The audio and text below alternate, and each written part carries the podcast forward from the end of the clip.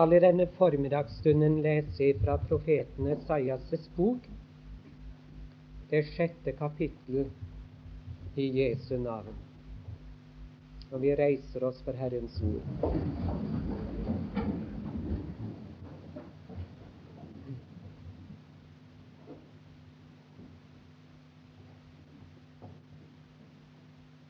Vi får alle vil som får. Vi vendte oss hver til sin vei. Men Herren lot våres alles misgjerninger ramme ham. Han ble mishandlet enda han var elendig, og han opplot ikke sin munn lik et lam som føres bort for å slaktes, og lik et får som tier når de klipper det. Han opplot ikke sin munn.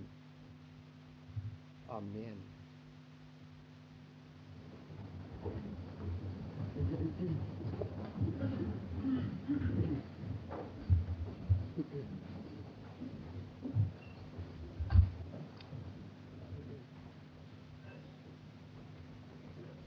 Det er fortalt om grev Sinsendorf mens han enda var en verdensmann, at han besøkte det berømte kunstgalleriet i Düsseldorf. Han var en elsker av kunst, men der møtte han et maleri av, det, av den korsfestede, av Jesus Kristus malt som smertenes mann. Under dette gripende kunstverk, hvor det hadde lyktes kunstneren på en sjelden måte å få fram den lidelse, den smerte som Frelseren led, og hvor det var skrevet under alt dette har jeg gjort for deg. Hva har du gjort for meg? Ble, ble grev Sinsendorf så grepet at han kunne ikke løsrive seg. Han ble stående der til lenge etter stengetid. Han kom igjen og igjen til dette sted og foran dette maleri av den korsfestede, av lidelsenes mann, der vendte han sitt hjerte om. Der ga han sitt liv til Kristus. Kristus fikk sitt, sin smertes lønn, og grev Sinsendorf ble brødremenighetens stifter. Jeg måtte tenke på ham når jeg nå i formiddag skulle få lov til å bære fram Herrens ord igjen. Jeg kunne ikke løsrive meg ifra Isaias 53, som vi nå har dvelet ved i syv bibeltimer. Jeg så like som for meg Skriftens kunstgalleri, om vi kan bruke det uttrykket. Og i dette kunstgalleri, Den hellige ånds verk, så er det vel ingen steder at Kristus er malt på en klarere måte for oss som den store stedfortreder og som smertenes mann enn nettopp her i profeten Esaias' bok, det 53. kapittel. Og det kan vel hende at du har sunget dypt grepet, i likhet med meg, denne kjente salmen Ola aldri noensinne korsets tre meg gå av minne, som deg frelsens fyrste båret har. Men la kors og død og smerte tale, råpe til mitt hjerte hva min frelse kostet har. Og er det din bønn dette at du ønsker at dette aldri må gå deg av minne, hva din frelse har kostet, så vil jeg på nytt, som jeg har gjort i en av bibeltimene, anbefale deg å ikke bare lese igjennom Esaias 53, men studere det. Stanse for hver, for hver eneste gang. Det er brukt et uttrykk som forteller deg hva Jesus gjennomgikk for din skyld. Hele 17 forskjellige uttrykk er brukt for å skildre, for å male for oss hvilke smerter han led. I det syvende vers så er det fortalt oss i billedform at han var like som et lam som føres bort for å slaktes. For å slaktes. Han opplot ikke sin munn. Og så tegnes det et nytt bilde igjen. Han var lik et får som tier når de klipper det. Jeg er ikke helt fornøyd med den oversettelse som vi har her. Dette uttrykket 'klipper'. For sauesaksen og saksen i det hele tatt var ikke oppfunnet på den tid da profeten Esaias under Den hellige ånds inspirasjon uttalte disse ordene. Etter romerske opptegnelser så vet vi at saksen var ikke kjent før en om lag fire av 500 år senere. Så når de da skulle få ullen av sauene på den tid, som også det hebraiske ordet her gir oss et vink om, da måtte de simpelthen kutte ullen av, skjære den av. Og kan du se det for deg når ullen på den tid ble tatt av sauene? Det var en nokså brutal handling. Når de grep en dott med ull, og så skar, og så grep igjen en ny dott, og så skar. Det var en svær påkjenning for sauen som sto der.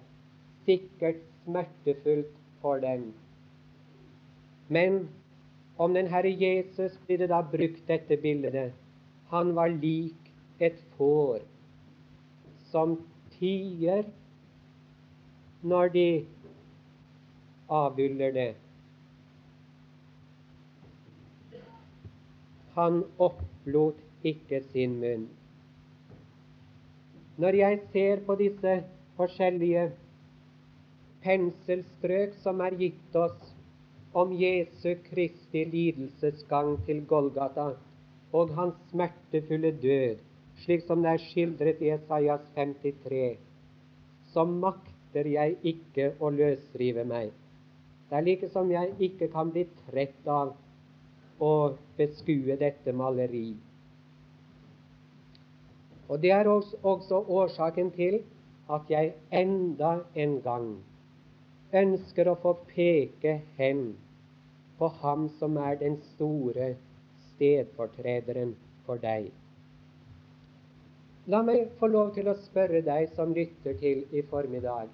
Har det noen gang gått opp for deg at alt dette som han gjorde, det gjorde han i ditt sted. Det gjorde han som din stedfortreder. Slik som en salmeforfatter ser det så klart når han skriver Min Jesus, du er såret for mine synder så. Jeg burde ha båret den straff som på deg lå. Men jeg vet at i vår rastløse tid så er det så vanskelig både for unge og for eldre å gripe dette at det var for våre synders skyld at han måtte lide dette. Tanken om stedfortredelsen, den er vanskelig å ta imot. Og selv om det, dette er det dyrebareste vi eier i vår kristne tro, så det, er det ingenting som det er så vanskelig å forkynne for vårt folk i dag som dette. Du kan tale om alt mulig annet, og folket lytter til. Men dette som er det befriende evangelium, det er det så vanskelig å få øre for. Hva kom det av at den kristne tro, budskapet om den korsfestede, maktet å føre så mange slaver under det romerske herreveldet over til troen på Kristus.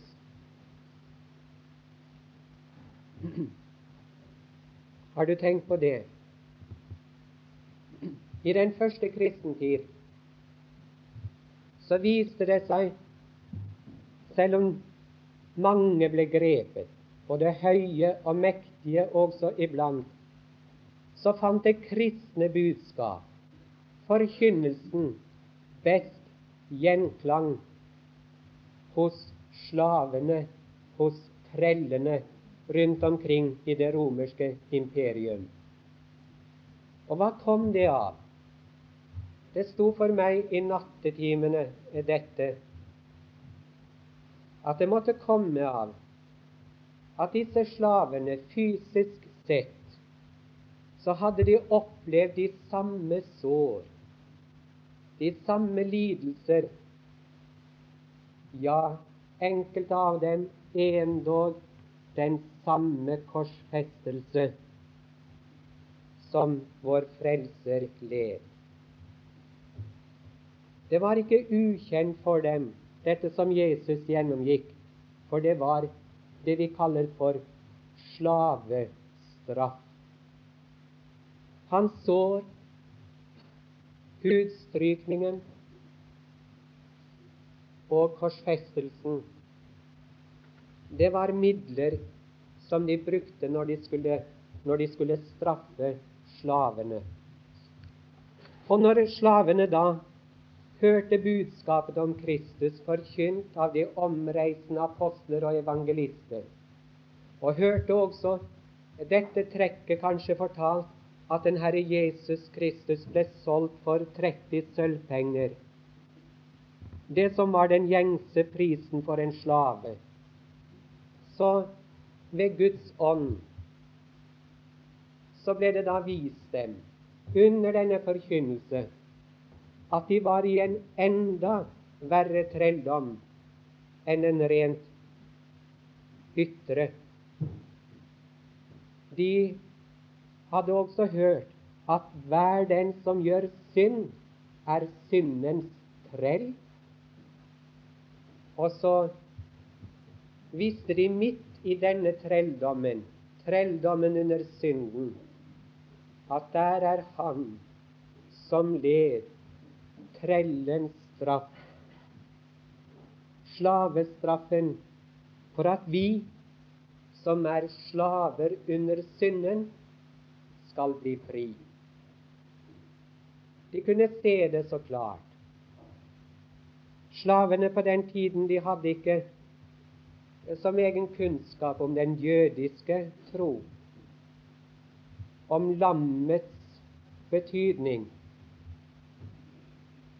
og så måtte de bli ledet igjennom sin egen stilling til å få se at stedfortrederen, det var han som tok slavestraffen. Og det er også et budskap til deg som vet at du har gjort synd i ditt liv, og det er synd i ditt liv som har herredømme og makten over deg. Du makter ikke å løsrive deg. Du kjenner det at du er i trelldom, gang på gang. Trass i alle gode forsetter, så faller du for den samme synd om igjen og om igjen. Du kan ikke bli fri. Da skulle jeg ønske at du også kunne få se i dag at smertenes mann led slavenes straff i ditt sted, nettopp fordi at du skulle bli frikjøpt. Tenk at en syndeslave, ja, en forkommen trell, gjennom det dyre blodet blir en frigjort sjel. Ja, det er ikke å undres over at en sanger også sier at engler beundrer frelsens vidunder. Når man får, se inn i dette.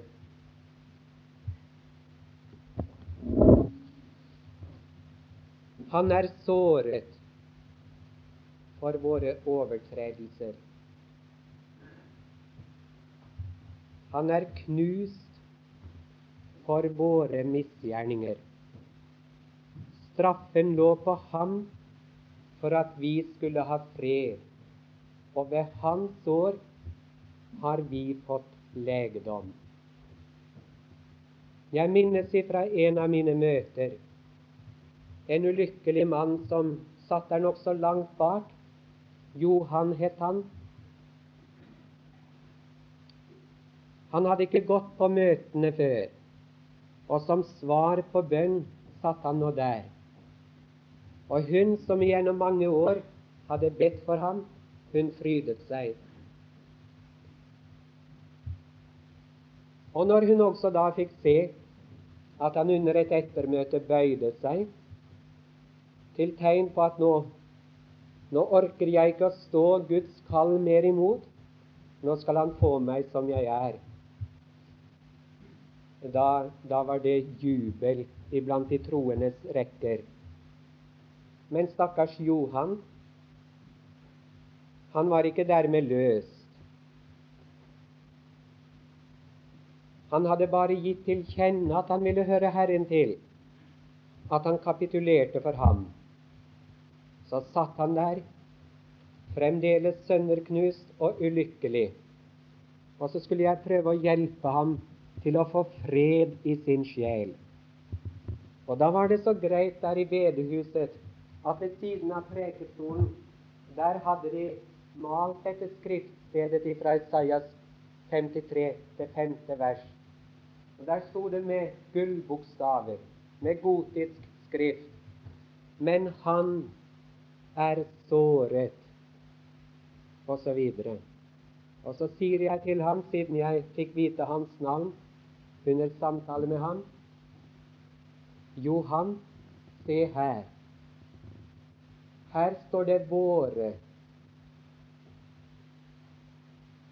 Og der er både du og jeg medregnet. Og mange, mange flere.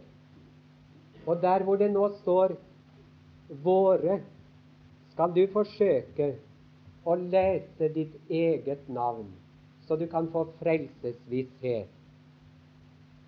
Og så leste jeg først for ham skriftstedet på denne måten, og så skulle han selv lese det på egen hånd. Og jeg skal si det sank ned i hjertene den kvelden der i den lille fjellbygden, når Johan med gråtkvalt stemme leste det. Men han er såret for Johans overtredelser. Knust for Johans misgjerninger. Straffen lå på ham for at Johan skulle ha fred, og ved hans sår har Johan fått legedom. Og så fikk jeg se, etter hvert som han leste på egen hånd, så ble ansiktet hans lysere og lysere å se til. Og når han leste ved hans sår har Johan fått legedom, da satt han der som en frisk og helbredet mann, frelst, lykkelig og glad. Nå så han det, at alt som er ved Sønnen gjort, det gjør oss hvite som sne. I det sjette vers som vi leste med hverandre, der er det fortalt om oss, ikke bare den enkelte, men om hele menneskeslekten. Vi får alle vill som får. I grunnteksten står dette enda, enda sterkere. Der står, for å gjengi det så ordrett som mulig, alle av oss, alle av oss for vill som småfe, hver og en vendte seg til sin vei. Men Herren lot våres alles synd ramme ham. Og der det står 'alle av oss', der er det brukt et ord som ellers er brukt for å beskrive det hele, det totale. Det er brukt når de taler om hele jorden, hele folket, så der er ingen unntatt. Der er hver eneste menneskesjel medtatt. Selv det fineste, selv det beste mennesket du kjenner til, som du kanskje aldri hadde sett gjøre en synd i handling, slik som det var sagt om misjonær Børresen i Santalistan. de som levde sammen med ham. De så ham aldri gjøre noe som de kunne peke på var Gud imot. De kunne ikke se at han eide den gamle Adam. Han kom ikke til syne i hans liv. Men det kan jeg fortelle deg, selv om det kunne være mennesker du kjenner til, som lever tilsynelatende ytre sett et så plettfritt liv, så forteller dette ordet her at vi for alle, uten unntak, vil som får. Vi venter oss hver til sin vei. Og det ordet som er brukt om misgjerninger, det er så betegnende for å skildre vår sanne tilstand. Det betyr å bli bøyet eller gjort kroket i sin opprinnelige form. Og for å bruke et bilde der Om du tenker deg. Guds vilje skildret som en rett strek, som linjert med en linjal,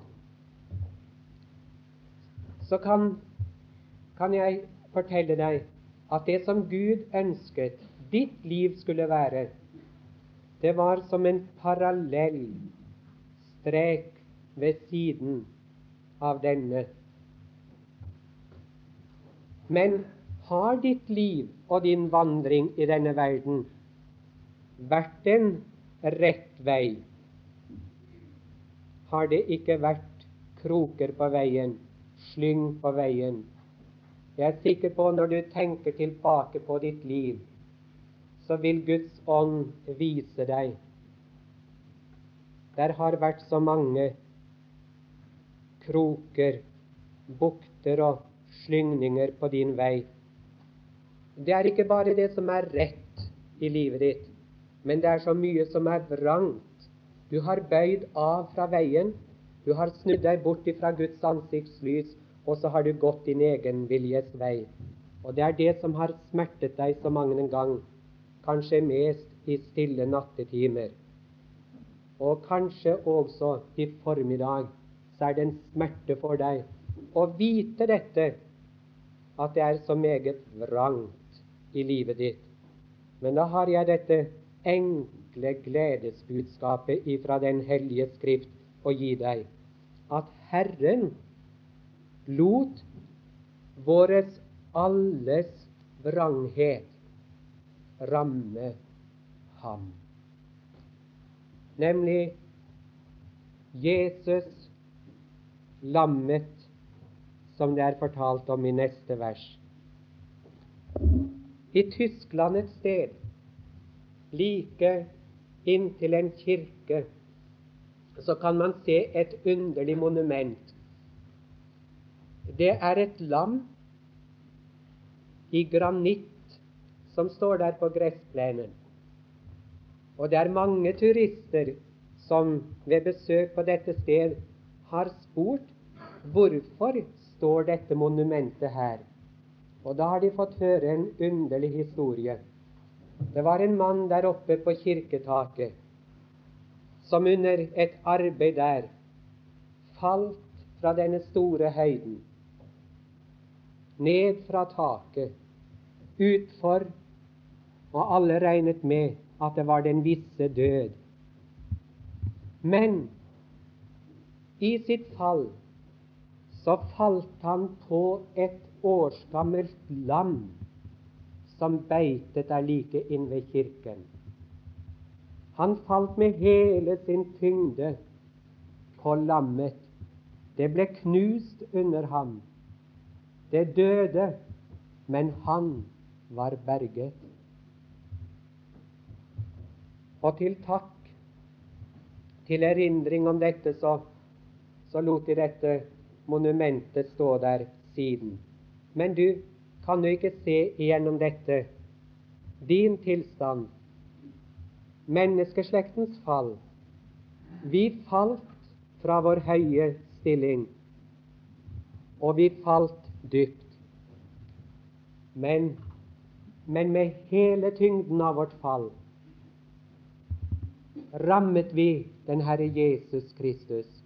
Han ble knust for våre misgjerninger. Straffen lå på ham for at vi skulle ha fred. Og vet du bare litt om hva det vil si å være knust i syndenød under en eneste synd i ditt liv, så kan du i hvert fall tenke deg litt inn i dette hva det vil si at han ble knust for dine synders skyld på korsets tre.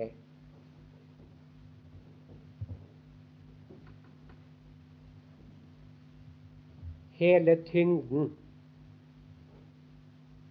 av din synd rammet ham.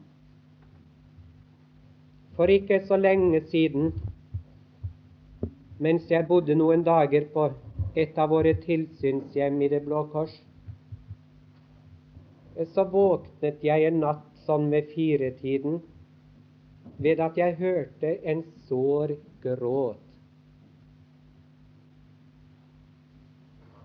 Og jeg lyttet til og tenkte med meg selv hvem kan det være som gråter?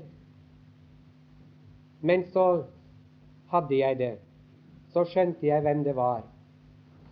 Det måtte være gamle bestemor, som vi kalte henne. Svigermoren til bestyreren. En from og elskelig sjel. En kvinne som hadde vært et solskinn i den tiden hun kunne gå opp og rusle iblant pasientene. Det lyste av henne. Så tenkte jeg er hun blitt så syk av smerter at hun nå ligger der og ynker seg og gråter. Jeg lyttet til for å høre om det var noen av hennes egne som kom for å trøste henne og, og hjelpe henne. Men alt var stille. Så måtte jeg kle på meg og gå inn. Og snart satt jeg der da ved sengekanten, og så spurte jeg om hun hadde vondt noe sted. Jeg tenkte jeg kunne hente noe smertestillende for henne. Da svarte hun meg merkelig nok ingenting. Hun bare så på meg. Og det var et, et så underlig uttrykk i øynene hennes. Det var som de var mettet av en indre smerte. Så spør jeg om igjen har du vondt? Og da stryker hun seg herover. Er det der det gjør vondt, sier jeg. Nei, sier hun. Og så kom det så langsomt og med vekt.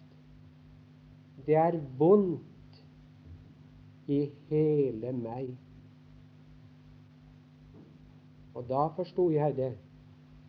Like innenfor døden Hun er død nå. Like innenfor døden så var hun kommet i anfektelse på grunn av sin synd. Og så hadde hun det vondt gjennom hele sin kropp av smerter som var mye verre enn hva legemlige smerter er. Og det var en from og god troende kvinne. Hvordan skulle jeg få hjelpe henne? Jo, da er det forunderlig i anfektelsens stund, så må du bruke det samme til hjelp. For en som har vært en kristen i mange år, som for en synder der søker frelse for første gang. Og så sa jeg til henne, fru Isaksen, la meg få bruke et bilde for deg. Tenk deg at det er to vekter som er foran deg med slike vektskåler som du husker fra gamle dager. Og i den ene skålen, der har Gud plassert sine krav til deg. Og i den andre vektskålen skal du stige opp. Og så skal du prøve å veie opp Guds krav. Hvordan ville det da gå med deg? Hun så fremdeles så sår på meg, men hun var jo så intelligent og fylte så levende med. Og så svarte hun om jeg steg opp i vekten, så ville jeg bli veiet og funnet for lett. Og da hadde jeg henne der hvor jeg ville. Du husker salmen, sier jeg til henne der det står når jeg betenker de mange år som jeg i verden har levet, finnes så mangt et syndesår dypt i erindringen skrevet. Det har du opplevd nå. Og der står det også er jeg da veiet og funnet for lett? Ja, etter hjertedommen. Men er da hjertet høyesterett? Nei, til en frelser er kommen større enn hjertet, han sier som så, synder, og kom og nåde få, skjul deg i mine vunder, skjul deg i mine sår. Og så sa jeg til henne, det er nettopp det Jesus har gjort. Han har steget opp i vektskålen for deg, og med hele tyngden av sitt plettfrie, lyteløse, syndfrie liv som fullt ut behaget Gud. Ja, med hele sin lidelse og død på korsets tre har han mer enn oppveiet alle Guds krav til deg. Og det har han gjort i ditt sted. Så når du må stige opp i vektskålen, så skal du ta Jesus med. Han er din stedfortreder. Da så jeg hvor hun lyste opp det ble så levende for henne. Og så kunne vi få dele med hverandre dette ordet som jeg har forsøkt å dele med deg. Men han er såret for våre overtredelser. Og så ble det så stille og godt der i nattetimene. Den såre gråten, den kom bort, og hun var atter lykkelig, fredfull og glad. Og når hun nå lå på sitt siste på Fredrikstad sykehus, så fikk jeg høre at en av sykesøstrene der, som hadde fri da dødsstunden hennes kom, hun ville ikke unnvære å være til stede når hun ble tatt hjem til herligheten. Hun gikk inn, selv om hun var fri, for å få lov til å sitte der. For alt det åndet fred. Jo, straffen, den lå på ham for at vi skulle ha fred.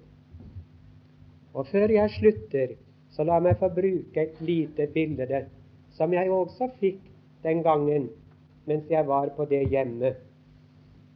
Det hendte at jeg hadde skrevet ferdig et brev, og så skulle jeg sende det av gårde. Jeg hadde puttet brevet i en konvolutt, forseglet den igjen, sto der med et stort, vakkert kongefrimerke og så skulle jeg slå dette på konvolutten. Og da oppdager jeg til min skrekk at det er kommet en lei flekk der i hjørnet av konvolutten. Og jeg ble så lei meg, for jeg hadde denne konvolutten og tenkte må jeg virkelig nå rive den av? Må jeg gå ned og spørre om å få låne en konvolutt. Men så slo det meg med ett når jeg så denne flekken. Hold kongens bilde over. Og så holdt jeg det over den lille blodflekken som var der. Og så viste det seg at kongens vakre bilde dekket fullstendig flekken. Og da vet du hva jeg siden gjorde. Jeg var snart til å feste frimerket der. Og det var ingen som kunne se at der hadde vært en plett på det hvite arket. Min venn, å, det er det jeg ønsker å vise deg i kveld. Det er en som tildekker hver en flekk i ditt liv med sitt blod og ikke bare tildekker det, men som, som fjerner flekken, som tar den bort, så du skal få stå for Gud som om du aldri hadde gjort en eneste synd. Må Gud signe deg til at du tar din tilflukt til Ham i denne formiddag. Amen.